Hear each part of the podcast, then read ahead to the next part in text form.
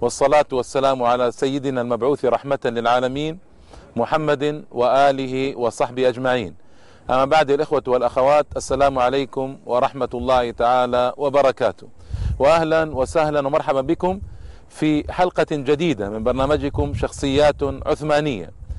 وهذه الحلقة هي الحلقة الثالثة التي يتحدث فيها عن محمد الفاتح السلطان العظيم رحمه الله تعالى وعن جهوده في فتح القسطنطينية. واليوم إن شاء الله تعالى تحدث عن فتح القسطنطينية خاصة. هذا أو هذه البلاد العظيمة وهذه العاصمة الكبيرة التي ظلت عاصمة الإمبراطورية البيزنطية أكثر من ألف سنة من الزمان.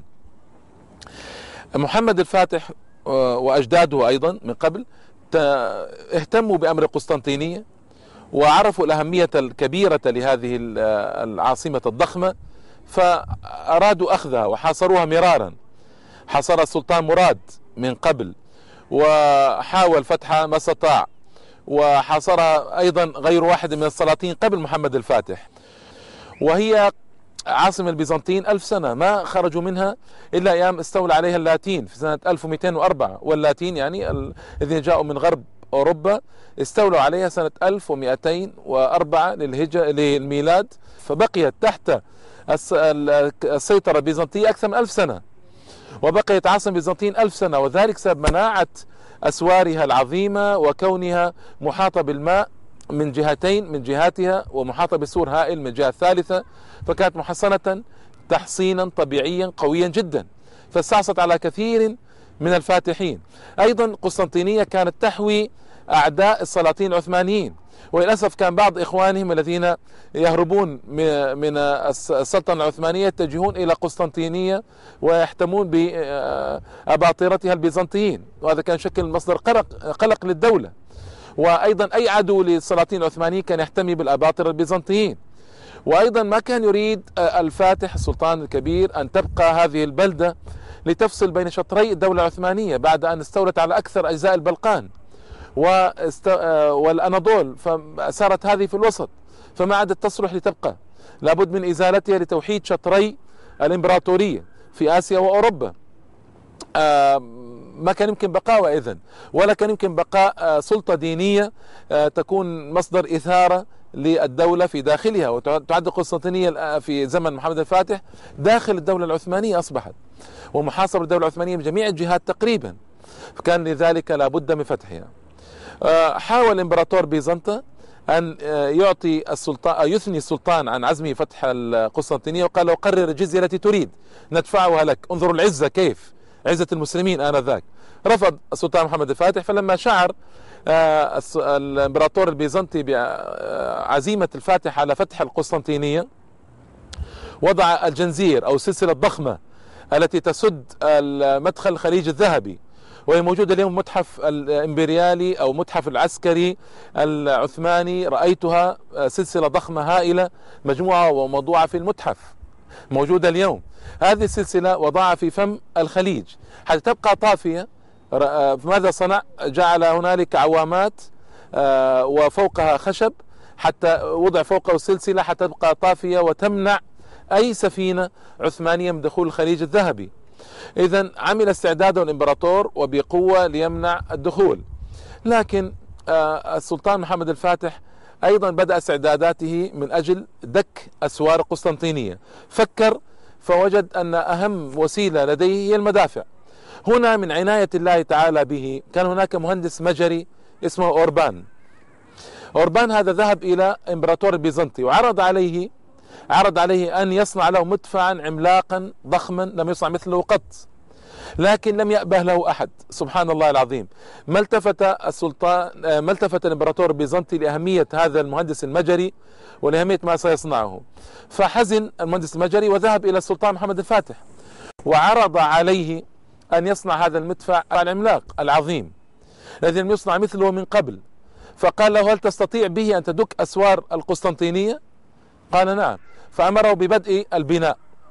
وهذا يدل على العقلية الرائعة التي كانت للسلطان محمد الفاتح. لم يمنعه إسلامه ودينه من الاستفادة من جهود هذا المهندس المجري أوربان النصراني بل قربه إليه وعاونه بالمساعدين ليصب هذا المدفع العملاق. كان محيط المدفع فيما قيل 12 ذراعا. فهو مدفع هائل جدا إذا وكان ال ال القنبلة إن صح التعبير التي تخرج منه وزنها تقريبا 600 رطل. وهذا ليس للناس عهد به آنذاك أبدا. وكانت تصل إلى 15 ميلا تقريبا. فإذا خرجت من فم المدفع كان لها صوت هائل ينتشر إلى مسافة 13 ميلا. فهذا كله هذا هذا كله من استعدادات محمد الفاتح للقسطنطينية. صب هذا المدفع في إدرنا. إدرنا هي آخر حدود الدولة العثمانية اليوم مع بلغاريا. مدينة فتحت آه، من قبل محمد الفاتح مدة طويلة. صب في إدرنا. احتاج أن يصبه إلى نحاس وإلى مدة ثلاثة أشهر للصب.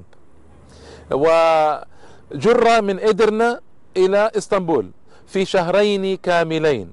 لماذا؟ لأن كان هناك آه، لأنه كان هنالك خمسون زوجا من الثيران تدفها. خمسون زوجا من الثيران تدف آه، أو آه، تدفع هذا المدفع العملاق. مع أيضا وجود 200 من العبيد 200 من جهتي المدفع حتى يحافظوا على توازنه لئلا يسقط. ومسافة هائلة من إسطنبول إلى أدرنا حوالي 90 و100 كيلو متر فهي مسافة ضخمة إذن مسافة شاسعة نسبيا بالنسبة لجر هذا المدفع العملاق. فجر المدفع هذه المسافة الضخمة و190 كيلو مترا يحتاج إلى 50 زوج من الثيران و200 من العبيد. في أثناء إطلاق القذيفة وعمل المدفع يحتاج إلى كمية ضخمة من زيت الزيتون من 700 إلى 1000 من الرجال ليعنوا به. ويحتاج إلى آه، آه، تعبئة من ساعة, من ساعة إلى ساعتين تقريبا.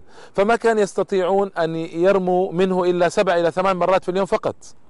ولكن المرة إذا أطلق آه، جرب في أدرنا. لما جرب في أدرنا امتلأت أدرنا كل أدرنا بسحابة كبيرة من الدخان الغبار بسبب إطلاق المدفع. لذلك لما جاء إلى المدفع إلى إسطنبول قريب من إسطنبول وضع قبالة إسطنبول. كان السلطان محمد الفاتح يحذر النساء الحوامل حتى لا يضعن حملهن من شدة الصوت وهول الصوت آه، آه، لمن كان قريبا من المدفع. وهكذا. هذه كل الاستعدادات الضخمة هذه أدت في الحقيقة إلى إلى آه، أن ييأس الإمبراطور العثمان البيزنطي من نجدة آه، آه، القسطنطينية أو من إمكان الحفاظ على القسطنطينية. هو طبعا حاول حاول أن يستنجد بملوك أوروبا بالبابا كذا. أرسل له بابا بعد ذلك سفنا سآتي عليه إن شاء الله في الحلقة القادمة. لكن هذه النجدة كانت محدودة ومحدودة جدا. ما تكفي لهذا مقاومة هذا الحصار الهائل. لكن في الوقت نفسه لا يستطيع أن يستسلم. وعرض عليه استسلام كما سيأتي مرارا. عرض عليه من قبل السلطان ومن غير السلطان. ما يستطيع ما نفسيا لا يستطيع. لأنه هو يعد نفسه إمبراطور بيزنطي إمبراطور الروم ووارث أسلافه أكثر من أحد عشر قرنا. ما يمكن. ففضل اذا أن يدافع عن المدينة حتى الموت آه، ولا يستسلم. سلطان محمد الفاتح أيضا عمد إلى مع خطط الحصار إلى تنظيف المنطقة الواقعه بجوار قسطنطينية وإلى عزل ما تبقى من مدن قليلة في الأناضول وفي البلقان تابعه للإمبراطورية البيزنطية عزلها. فما كان يمكن أن يأتي لها أي مدد إلا من خلال الدولة الإسلامية وما كان يسمحون لها بالمرور طبعا. فعزل تام. إذا قسطنطينية عزلت تمام العزل عن كل المناطق التي من حولها وأيضا عن أوروبا من باب أولى. والسلطان حتى نعرف حس المسؤولية عنده ما كان آه، يوكل أحدا بمهمة الحصار وخطط الحصار بل بنفسه عنده ورقة وقلم ويسجل الأماكن التي ينصب عليها الأسوار. يسجل الأماكن التي يضع آه، فيها المدافع. يسجل كيف ومتى آه، طرائق المحاصرة وبدء التنفيذ وهكذا. فهذا كله يدل على تحمله المسؤولية.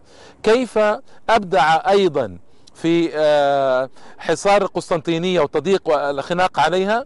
بعدة طرق. سيأتي إن شاء الله تعالى في الحلقة القادمة. وإلى اللقاء أيها الأخوة الكرام والأخوات الكريمات. والسلام عليكم ورحمة الله تعالى وبركاته.